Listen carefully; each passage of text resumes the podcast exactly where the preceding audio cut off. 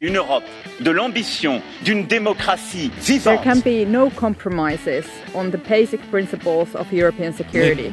Ми боремось не просто за себе, а за те, щоб Європа The story of how we went from centuries of war to creating these unprecedented continental democracies. Evropska Četrt, četrt, četrt.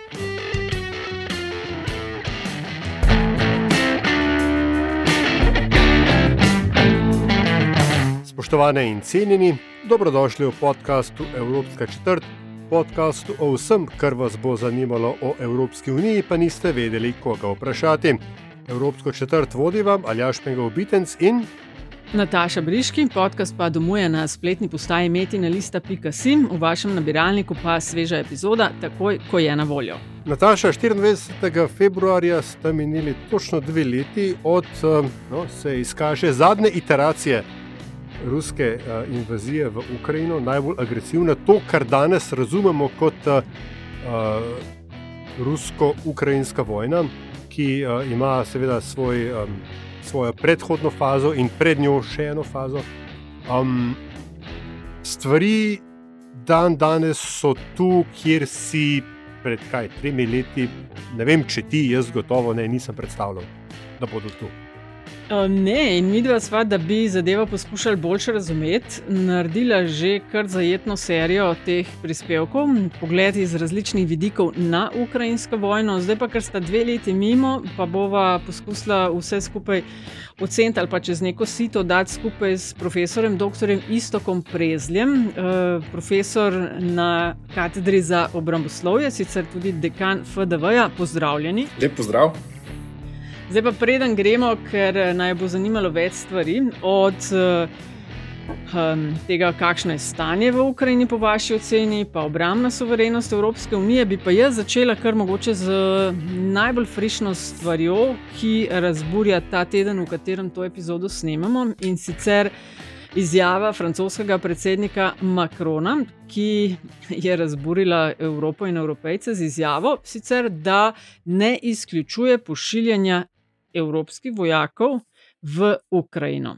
Uh, ko ste slišali za to izjavo, ste pomislili na kaj? da nam gre slabše, da gremo iz slabega na še slabše, in da bomo uh, verjetno uh, zaustrili, če bi se to uresničilo, uh, še uh, dodatno zaustrili že tako zaostreno situacijo. Jaz si predstavljam, da je Macron uh, to rekel v neki dobri veri, da uh, je treba Rusijo nekako ustaviti, jo je treba odvrniti in da je treba narediti nekaj več od vsega tega, kar smo do zdaj delali, torej vojaško pomagali, ekonomsko pomagali in uvajali sankcije.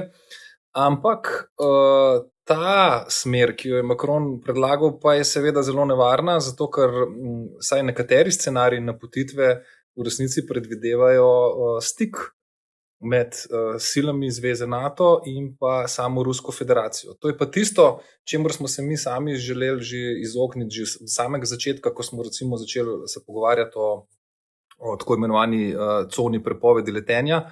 Ker če bi Evropa zagotavljala tudi to cono, bi nad Ukrajino bi tudi takrat prišlo do stika. Torej, njegov predlog je v resnici, da gremo v stik. Sodeč oziroma razmišljajoč, da rečem, ne. Um, kaj je to, klasičnem vojaškem, a, a, obrambnem a, a, žargonu, je to gotovo tako, ampak francoska diplomacija je potem takoj prestavila v višjo predstavo in a, stvar nekako poskušala zapakirati v um, neke vrste obliko pritiska, ne? češ tako kot Putin nikakor ne izključuje ničesar, ne? tako je zdaj, ko Bajagi Macron ne izključuje ničesar. Druga, drugi vidik tega pa je, da gre v bistvu za, da gre za notranje politični manevr Makronov in nas to v bistvu pripelje do drugega vprašanja, ne, kako zelo je um, evropski odziv ali pa odziv Zahoda na rusko agresijo na Ukrajino informiran, oviran ali pa oblikovan z čist notranje, notranje političnimi premisleki držav EU, držav NATO. No, tema uh, v zvezi, torej povezava med zunanjo in notranjo politiko v resnici ni nič novega v zgodovini mednarodnih odnosov in naših držav. Um, uh, vedno, torej, mi ločujemo ministrstvo za, notran, za, za zunanje zadeve od ministrstva za notranje zadeve in tudi zunanje in notranje teme, ampak ker smo vsi ljudje in tako tudi Macron in tako tudi vsi voditelji, sta v resnici uh, zunanja in notranja politika še kako povezani. Včasih to vidimo malo bolj, včasih vidimo malo manj. In uh, pogledajte, že sama ukrajinska kriza je v resnici, ali pa recimo vojna v Gazi, sta obe, obe sta nekako zarezali tudi v notranjo politiko uh, držav članic NATO in EU. Uh, Namreč ta zunanja polarizacija hm, se je začela seliti v notranjo politiko, ko se opredeljujemo do tega, kaj bi bilo treba narediti, ali je genocid ali ne, ali je ruska agresija bila izvana ali ni bila izvana. In v resnici, ko mi vodimo zunanjo politiko, hkrati v nekem smislu vodimo tudi notranjo politiko. Ne? In uh, jaz bi se strinjal, možno je, da je Makronova izjava v resnici tudi neke vrste taktična oblika pritiska na samo Rusijo. Vendar pa, če že uh, ta konkretni politik želi zavajati nasprotnika na nek način, potem se mora zavedati, da bo s tem moral zavajati tudi del lastne notranje javnosti, in kar je pa seveda slabo. Zdaj, po Evropi so hiteli z izjavami, občutek je bil, da je Macron soliral ne, in so hiteli z izjavami, da ne, ne, mi pa o tem ne razmišljamo, in tako dalje. Tako tudi uh, Slovenija. A si predstavljate, da bi, mislim, koliko daleč smo v Sloveniji dejansko od tega, če pride do ideje, da bi se tja pošiljalo vojake. Se vem, da smo jih tam že imeli, ampak bolj v vlogi raznih humanitarnih eh, akcij, ne vem, učenja angleščine Ukrajincev in tako dalje. Ne pa kot, ne vem, vojak, vojak, to, kar je klasično razumevanje, kaj vojak je. No, Zaenkrat tak predlog sploh ni bil na mizi, tako da bi rekel, da smo še.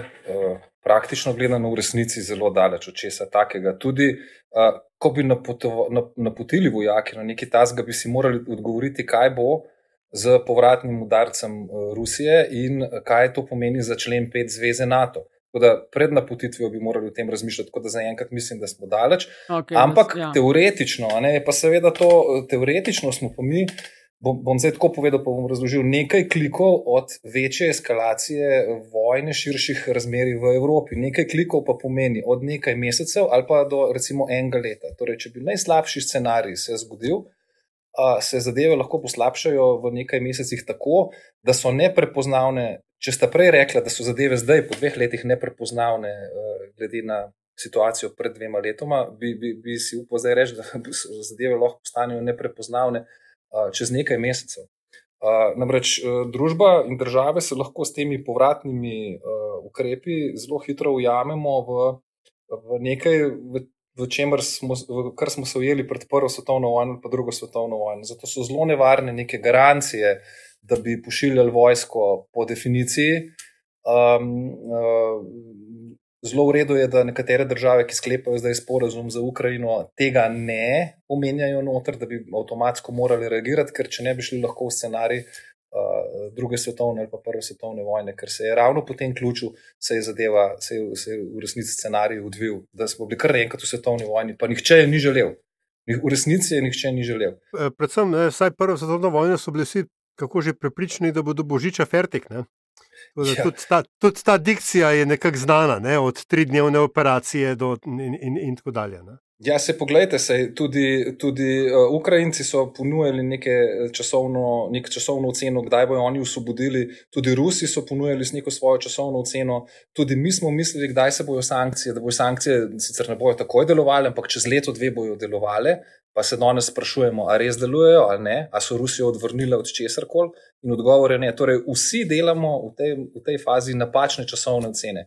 Vse traja dlje, vse je bistveno bolj škodljivo, kot si upamo predstavljati, in seveda na koncu bomo plačali mi, eh, Evropa, državljani Evrope, ker si v resnici uničujemo eh, prihodnost in gremo iz nekega scenarija, ki bi lahko bil bistveno boljši.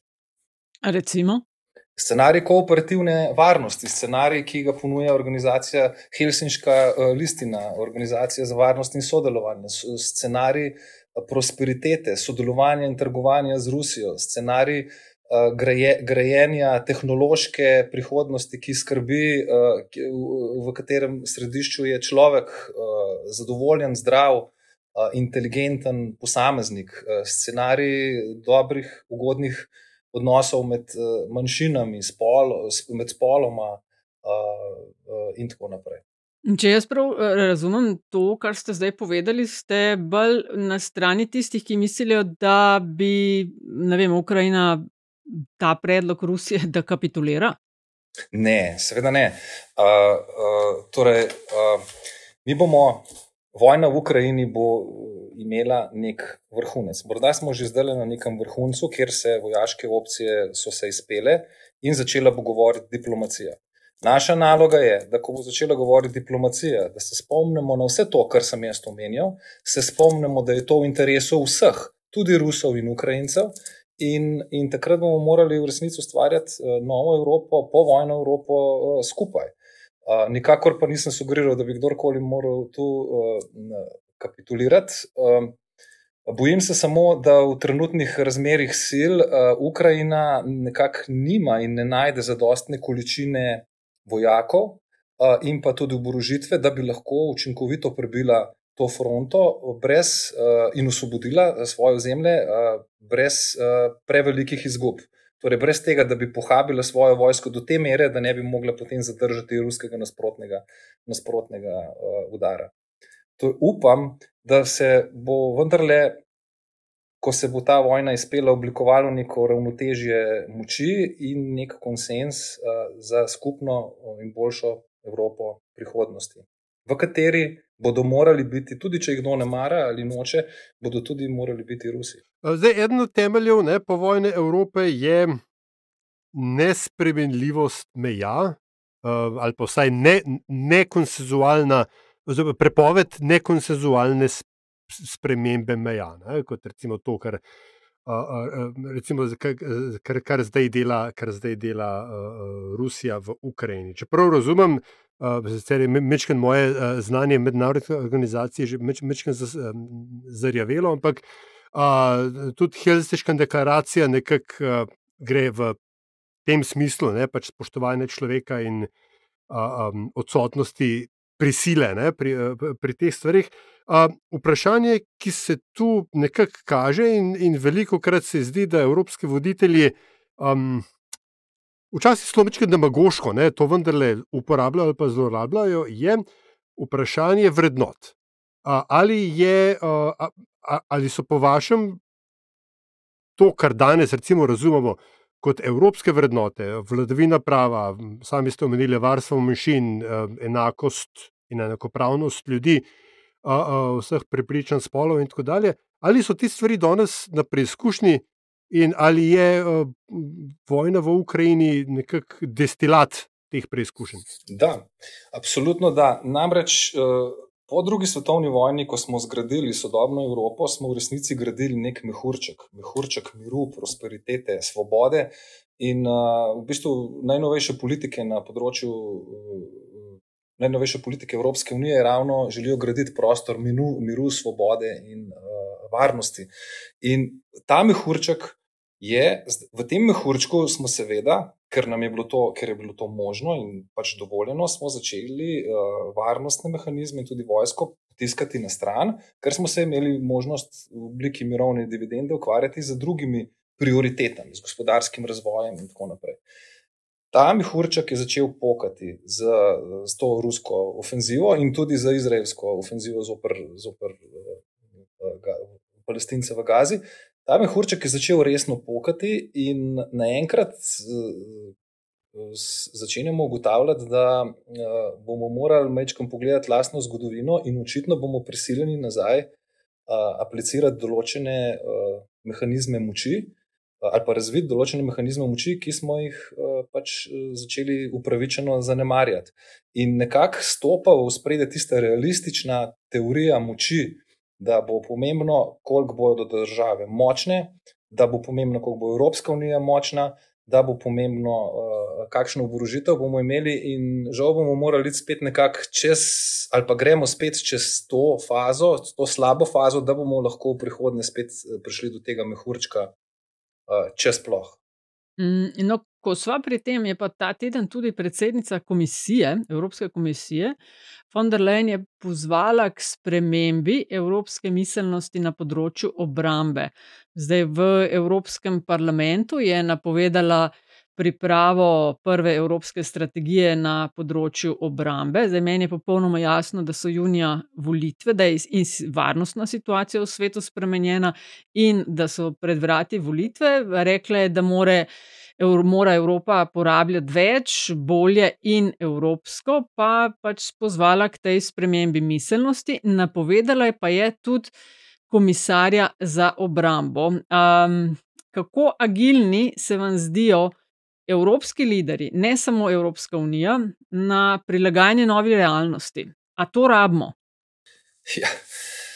Uh, tako, začel bi z, z, z pogledom v zgodovino, kaj smo že mi imeli, pa smo se temu odrekli. Nekoč, v 90-ih letih, je obstajala, obstajala v Evropi še ena varnostna organizacija, ki se je klicala Zahodnoevropska unija.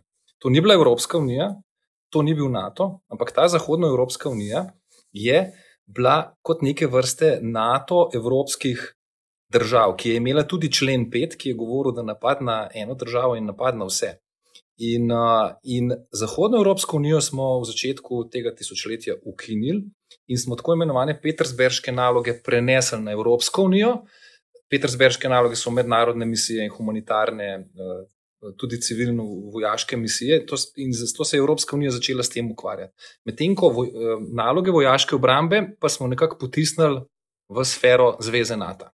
In to se je zdaj zgodilo. No, in zdaj ta bumerang začenja udarjati nazaj ob poslabševanju varnostnih razmer, in se začenjamo spraševati, ne, to, kar se je komisarka, kar se je predsednica v resnici eh, začela spraševati. Ona bi želela imeti resor za obrambo, torej komisarja za obrambo, kar je v resnici mogoče na prvi pogled zgleda, da je nek agilni predlog. Pravili ste besedo agilni, ali so dovolj agilni. Na prvi pogled zgleda kot nekaj agilnega, ampak je v resnici zelo čuden predlog. Namreč komisija se do zdaj ni ukvarjala z uh, zadevami, ki so v, v uh, domeni, predvsem nacionalnih držav. In če pa se je že mednarodna skupnost in Evropska unija ukvarjala s tem, se je s tem ukvarjal Evropski svet ne pa komisija. Tako da je v resnici zelo nenavadno, da bi, da bi komisija imela resor za obrambo. V resnici vidim samo eno vlogo za bodoči resor za obrambo, da bi koordinirala oborožitveno in obrambno industrijo, ker tukaj je veliko teh gepov, kjer bi lahko države bolj sodelovali in proizvajale bolj ugodno in cenejšo oborožitev.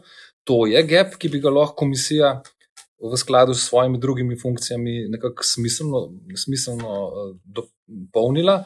Medtem ko ona je, pardon, ker prekinjam, je dejansko omenila, da bi v spredju te neke nove strategije bilo tudi skupno naročanje. Da, ampak ni omenila samo to, omenjajo še številne druge zadeve, glede katerih ja. sem pa zelo skeptičen. Namreč menim, da bo to zelo težko. Uh, enostavno, obramba ustaja v domeni držav. In če gre na mednarodni nivo, gre v domeno Zveze NATO in deloma v domeno Evropske unije, vendar ne komisijski del, ne, ne del komisije Evropske unije. Zato tukaj mhm. mislim, da bo imela kar veliko težav, ampak recimo, da gre za nek poskus, torej, da bi tudi komisija naredila več. In jaz mislim, da pač moramo to v, tej, predvsem v tem bolj benevolentnem smislu vseeno razumeti. No. Kljub, kljub tej moji kritiki, kljub moji kritiki. Pa mogoče tudi v luči tega, ki se pričakuje ameriške volitve, ki bodo novembra in se izkazuje, da utegne zmagati nekdo, ki simpatizira z Rusijo in ki je že omenjal, zdaj če se zanašamo na NATO, ko gre za obramno neodvisnost Evrope, uh, ki je omenjal, da v NATO ne bi več sodelovali, možno tako, kot so ZDA. NATO brez ZDA je pa kaj? Ja, ni več NATO. Ne? Je pa, je pa švoha. Uh, je pa pridemo nazaj do Zahodnoevropske unije, ki je obstajala in je imela člen 5. Tako da uh, leto 2024 bo determinirano z ruskimi volitvami, ker ne bo presenečenja. Ne? In, um, milo rečeno. In, milo rečeno ja. in pa seveda ameriškimi volitvami, kjer, če bo Trump izvoljen, tudi ne bo presenečenja. In piše se nam, v resnici se evropski obrambni dimenziji se ne piše dobro, če bi Trump začel uresničevati, kar zdaj napoveduje. Jaz bi še vedno upal, da Trump, tako kot smo prej rekli, tako kot Macron, da to dela mečkam bolj v tem pokazno. Pritisnem smislu, uh, uh, uh, mm -hmm. na, da, ne vem, če se postavimo v njegovo mentalno polje, da, da je treba evropejce prebuditi, da je treba njih angažirati, mm -hmm. uh, da, da mogoče bolj, da tako to odpočenja, ker če v resnici resno misli, je v resnici to že napoved, je pa to v resnici že napoved konca zveze, zveze NATO. In uh, takrat, uh, to je pa zelo poudaril zdaj, takrat uh, v takem scenariju bomo mi vsi ugotovili, da smo močni točno toliko, kolikor uh, sami nacionalno vlagamo v svoje varnostne mehanizme. In morda, če se bomo uspeli zmeniti z našimi sosedi, še malce več. Ampak to je potem domet uh, takšne Evrope, brez podpore ZDA. Uh, če še dodamo temu jedrsko komponento, in to je pa v resnici še bolj pomembno, um, Evropa brez ZDA, EU brez ZDA, ena država ima samo jedrsko orožje in to je Francija. Velika Britanija je šla ven iz Evropske unije, torej ni več Velike Britanije, in z umikom ZDA nimamo komponente jedrskega odvračanja. In zaradi tega so, in to pa je za mene osebno tudi nek alarm, so se v Nemčiji začeli spraševati, sicer v strokovnih krogih, ali bi morda v taki Evropi Nemčija morala imeti jedrsko orožje. Kar je pa zdaj spet neke nove vrste alarm. Ne? In, in skratka, te ameriške volitve bodo žal preveč vplivne na, na, na obrambno dimenzijo v Evropi. To nas v bistvu pripelje ne, do, do um, temu reči, uh, inte, intelektualne podstati, kolikor ta obstaja, v Makronove izjave, s katero smo začeli. In sicer, um, kako se temu reče, uh, evropske strateške avtonomije. Izraz, ki je bil zelo popularen ravno v času prvega in morda edinega Trumpovega uh, um, mandata, uh, v katerem se je Evropska unija tako, ne, predvsem ekonomsko, pa nakazava, nakazovalo se je tudi rahlo obrambno, začela distancirati od ZDA ali pač obratno. Um, in je seveda z potem izvolitvijo Joea Bidna ta cela inicijativa potihnila, zdaj pa nekako se zdi, kot da še ni čisto storila konca. A, ampak ali je, je posebno tem, kar smo zdaj povedali, ali ima Evropska unija sploh nastavke za to, da razvija nekaj, čemu bo v končni fazi rekla uh, strateška avtonomija? Da, seveda, ampak najprej se moramo vprašati, kaj ta strateška avtonomija pomeni. V, prvem planu to pomeni avtonomija političnega razmišljanja. Recimo, test, glavni test je to, ali mi lahko z Rusijo vodimo neke odnose. Uh, brez mnenja in vpliva Amerike. Ali jih moramo voditi. Ne? Ampak to je samo politični del te avtonomije. Drugo, če bomo imeli uh, v, v slabem scenariju, se pravi, recimo, da se ta scenarij, ki ga bomo zdaj razvijali, še naprej, ne? torej v slabem scenariju, ali bomo imeli zadosti uh, vojaške moči, uh, s katero odvračamo uh, uh, nadaljne apetite uh, Putina. In uh, pazite, ti apetiti se lahko zdaj iz Ukrajine, uh, seveda, hitro razširijo in, in so že ne, na Arktiko, kjer imamo probleme s Svalbardskimi otoki in Norveško, in kdo je zdaj tam, kdo, kdo je lahko prisoten tam in ne, na samo Finsko, uh, na samo sam Kaliningrad, kjer je in Balske države, kjer imamo probleme, kjer bi utegnili imeti uh, uh, neke probleme z rusko manjšino in Putin to lahko spodbudi, in samo Moldovo. Tako da tukaj, tukaj je to vprašanje o evropski strateški avtonomiji v resnici dosta vezano tudi na to, kaj mi vojaško imamo in kaj nimamo in kaj lahko. In če bomo imeli dovolj moči, bomo tukaj odvračalno delovali. Uh, in potem tretje je pa ekonomska avtonomija. Uh, tukaj pa bo zelo pomembno, kaj bo Evropa, kakšne rešitev bo Evropa našla v zelenem prehodu, kakšne zelene tehnologije. Uh, Uh, ali bomo, in tukaj nam pa tudi ne kaže preveč dobro, uh, poglejte, kje se proizvajajo čipi, uh, kje uh, so glavne moči, ki, uh, zdale, uh, ki producirajo produkte v zvezi z umetno inteligenco, uh, kje, je, um, kje se baterije izdelujejo, kdo ima monopol nad skoraj da svetovno izdelavo baterij. In to ni v Evropi. Tako da tukaj, bomo, ko bomo imeli več resursov, tukaj bomo si več avtonomije uh, lahko privoščili. Žal nam na enih področjih ne kaže preveč dobro. Zdaj smo predvsej v tej obramni suverenosti EU, danes in v prihodnje. Če potegnemo, kar je Aljaš na začetku omenil, dve leti vojne sta za nami. Če potegnemo črto, zdaj na Münchenski varnostni konferenci se spomnim, da se je lani govorilo, kako naj bi bila Rusija tik pred pacem, letos je bila glavna tema, kako Ukrajini manjka orožja. Če bi v par stavkih, kje smo um, dve leti po vojni? Ja, ne uh, po vojni, ampak ja, po, po spopadih. Ja. Po dveh letih vojne. Uh, zelo smo v nezavidljivem položaju za Evropo in za njeno prihodnost. Uh, namreč smo v eni kompleksni krizi, kjer imamo eno vojno na vzhodu, torej v Evropi, imamo eno zelo nesrečno vojno na jugu Evrope. Uh, smo, uh, smo v, še zmeraj v repu efektov zdravstvene COVID krize. Uh, smo stalno na robu ekonomske krize, na tak ali drugačen način. Smo na začetku, v resnici ne vemo, kje je točno, ampak smo nekje v podnebni krizi, ki nas udarja z naravnimi in drugimi nesrečami.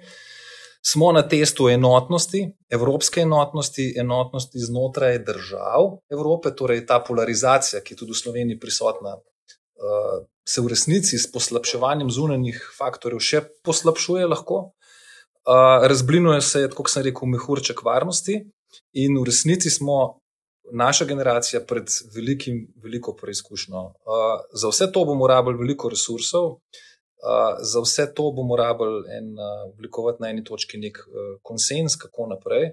In diplomacija bo ključna, ključni bojo vse stroke, vsa znanja bodo, bodo ključna in neko multidisciplinarno rešitev bomo morali pač tukaj najti. Uh, pri čemer pa tudi paziti na strateško moč Evrope zopr druge pole moči, to sta Rusija in še posebej Kitajska. Namreč ta šah, ki ga mi zdaj igramo tukaj v zvezi z Ukrajino, je v resnici samo delček večjega šaha, ki ga igrajo. Ki ga igrajo vele sile ali pa večje sile, in ta večji šah je šah za moč in vpliv, še posebej med Kitajsko in pa med ZDA, ker ZDA želi ohraniti svojo moč, Kitajska in pa tudi Rusija, pa še kakšen akter bi se najdel, pa želijo to moč uh, izriniti in v resnici oblikovati multipolarni svet. Tako da v, v tem svetu Evropa mora svoj šah odigrati pravilno navznotraj in navzven. In uh, akademski krogi, mi se bomo pač tukaj potrudili najprej, da pomagamo svoji državi in tudi Evropski uniji, kolikor se le da in koliko bomo slišani. Um, in ko smo že pri igranju šaha navznotraj, um, partija se bo začela z evropskimi volitvami.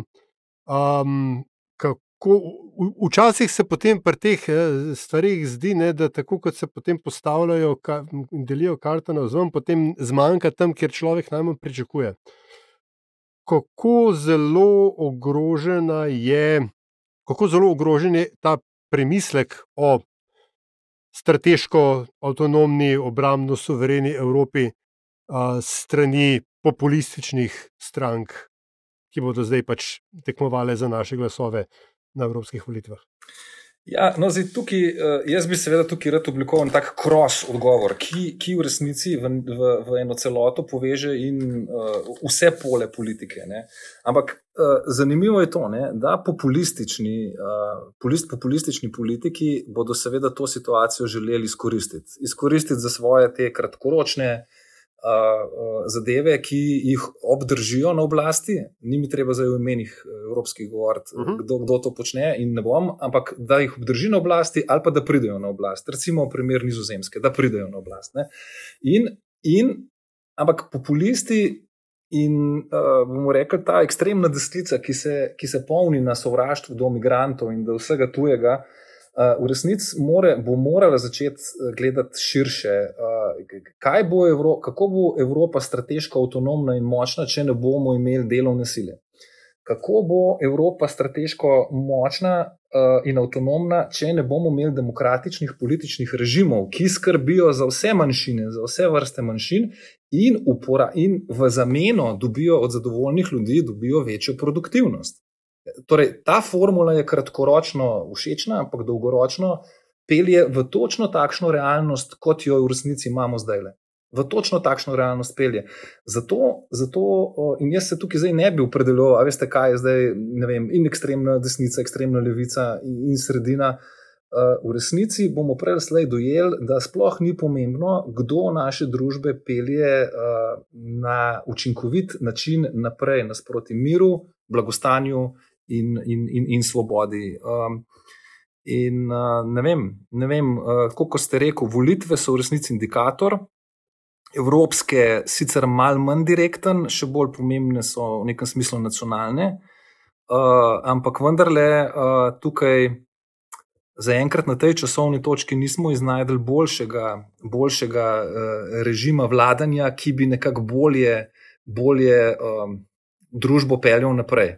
Zdaj, če mi dovolite, ne vem, koliko manj časa, ampak recimo, ukvarjamo se z umetno inteligenco. In recimo, sistemi umetne inteligence se uvajajo tudi v decision making proces. Ne? In enkrat, ne vem kdaj, mogoče čez 10, 20 ali 30 let, bo verjetno obstajal tudi nek sistem umetne inteligence, ki bo pomagal voditeljem držav voditi državo. Ampak tak sistem bo to delal na podlagi izračunljivih nekih faktorjev, ker ne bo upošteval uh, vseh drugih človeških dimenzij eksistence. In, in, in zato nas tudi umetna inteligenca ne bo rešila. Ampak uh, mogoče nam bo samo pomagala, da spet nazaj, kot sem rekel, prej oblikujemo ta mehurček in vero, vero v demokracijo, uh, v demo, da je demokracija pač tisti edini način, uh, katerem, s katerim lahko vsi skupaj srečno. Uh, in prosperitetno živimo. Jaz imam pa še eno vprašanje za konec. Uh, bi sicer lahko še se dolgo pogovarjala o vsem tem, ampak recimo, da postavimo počasi piko. Vi imate kot profesor na eni od fakultet, seveda, veliko stika z študenti in študentkami. Mene pa zanima, ko razpravljate in o evropski obramni soverenosti, in o vojni v Ukrajini, in o Putinu, in vseh teh stvarih, o čemer smo se danes pogovarjali. Kaj vas sprašujejo, kaj jih skrbi, kakšno vprašanje postavljajo, o čem se največ pogovarjate? Hvala za to vprašanje. Namreč gre za mlade ljudi, za ljudi, ki bodo enkrat vodili našo državo in našo družbo. In je zelo pomembno, kaj zdaj sprašujejo, kako sprašujejo in kaj menijo, da je prav narediti. In naša naloga, profesorja in konkretno mene, je seveda, da jim odpiram oči, odpiram oči v zvezi s problemi, da jim pokažem napake naše generacije, in da jim pokažemo dobre prakse iz zgodovine. No, torej, naši študenti, jaz imam sicer največ študentov v obramboslovju, ampak imam tudi študente vseh smeri pri izbirnih predmetih na naši fakulteti, torej študente eh, politologije, študente mednarodnih odnosov, različnih sociologij, uh, komunikologije in kulturologije. Uh, najbolj, najbolj jih skrbi uh, prihodnost. Kaj konkreten dogodek pomeni za, za samo prihodnost? Uh, ta negotovost pri njih je v resnici zaradi tega, ker so pa stari, toliko kot so. Ne, so ne, za njih je, so v fazi negotovosti življenja. Torej, uh, ko si star 19 let, ne veš.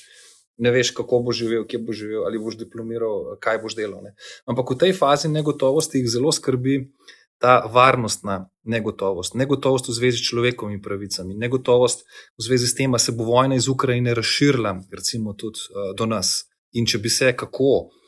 Um, Negotovost v zvezi uh, z, z, z tem, kaj moramo zdaj mi, ali pa vprašanje v zvezi s tem, kaj mi moramo zdaj narediti.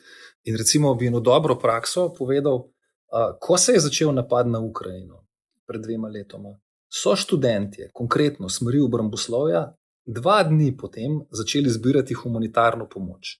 Mi smo na fakulteti to ugotovili, povezali smo, vključili smo jih v fakultetni mehanizem in pozvali, pozvali vse zaposlene, da skupaj zbiramo humanitarno pomoč. Po petih dneh agresije smo že poslali prvi kombi na Karitas in potem še nekaj, še nekaj, še nekaj kombijev. Tako da To je recimo ena takih dobrih praks. Ne. A je zaznati med študenti in študentkami obramboslovja uh, navdušenje nad morebitnimi idejami glede naborništva? Ali pa ne navdušenje? No? No, glede tega se še nismo pogovarjali, uh, ampak mislim, da ne. Je, jaz bi tako rekel, ne, nihče uh, normalen uh, si ne želi uh, vojne. Uh, Tiste, ki jih zanima vojaški poklic, seveda povabimo k temu, imajo možnost, imajo možnost, da grejo na vojaški tabor. Mrzikdo reče, to je to, mrzikdo reče, to ni to. ampak mislim, da tukaj ne bi bilo v resnici na splošni ravni nobenega navdušenja. Namreč razumeti moramo, in zdaj se v Sloveniji odpira ta debata, ne, ali bomo to uvedli. Ampak moje stališče tukaj je, da v resnici naborništvo je smiselno uvesti edino takrat, ko uh, ti sovražnik uh, stoji na meji in želi napasti tvojo državo. Takrat v državi rabiš enormno količino uh, vojakov, zato da lahko sploh vse dele države obraniš. In je po definiciji, torej naborništvo je potrebno, ko imaš takega napadalca. Dokler tega ti nimaš, je pa to seveda stvar debate, ali to ukiniti, ali to imeti, ali ne ali v kakšni meri to imeti, uh, kaj imajo sosedje. In pač zdaj smo mi v neki taki fazi. Ne. Jaz mislim, da nekega navdušenja med študenti ne bi bilo. Najlepša hvala. Profesor Dr. Isto Prezel, ali si želel še ti kaj? Ne, ne, hotel sem samo pripomniti, da je eh, verjetno to na točka, kjer lahko pristavimo piko, ker um, postavlja oziroma odpira debato za vnaprej, še tudi za kdaj drugič. Za novo epizodo. Ja. Tako, hvala lepa, uh, sva uh, vesela, da ste bil gost Evropske četrti. Hvala za vse vprašanja in srečno. To je bila Evropska četrt, 126. podcast Vesolju. Hvala za vašo pozornost. Predlogi, mnenja, zelo dobrodošli. Hvala pa tudi za pohvale in kritike, ki jih delite z nama, in res hvala za investicije, ki jih namenjate razvoju in produkciji naših vsebin. Avtor glasbene podlage je Pili iz podcasta Opravičujemo se za vse všečnosti. Če vam je bila vsebina všeč, bo pomagalo, da nas najde še kdo, če jo ocenite pri vašem izbranem podcast ponudniku. Sicer pa hvala za vašo družbo in se slišimo spet k malu.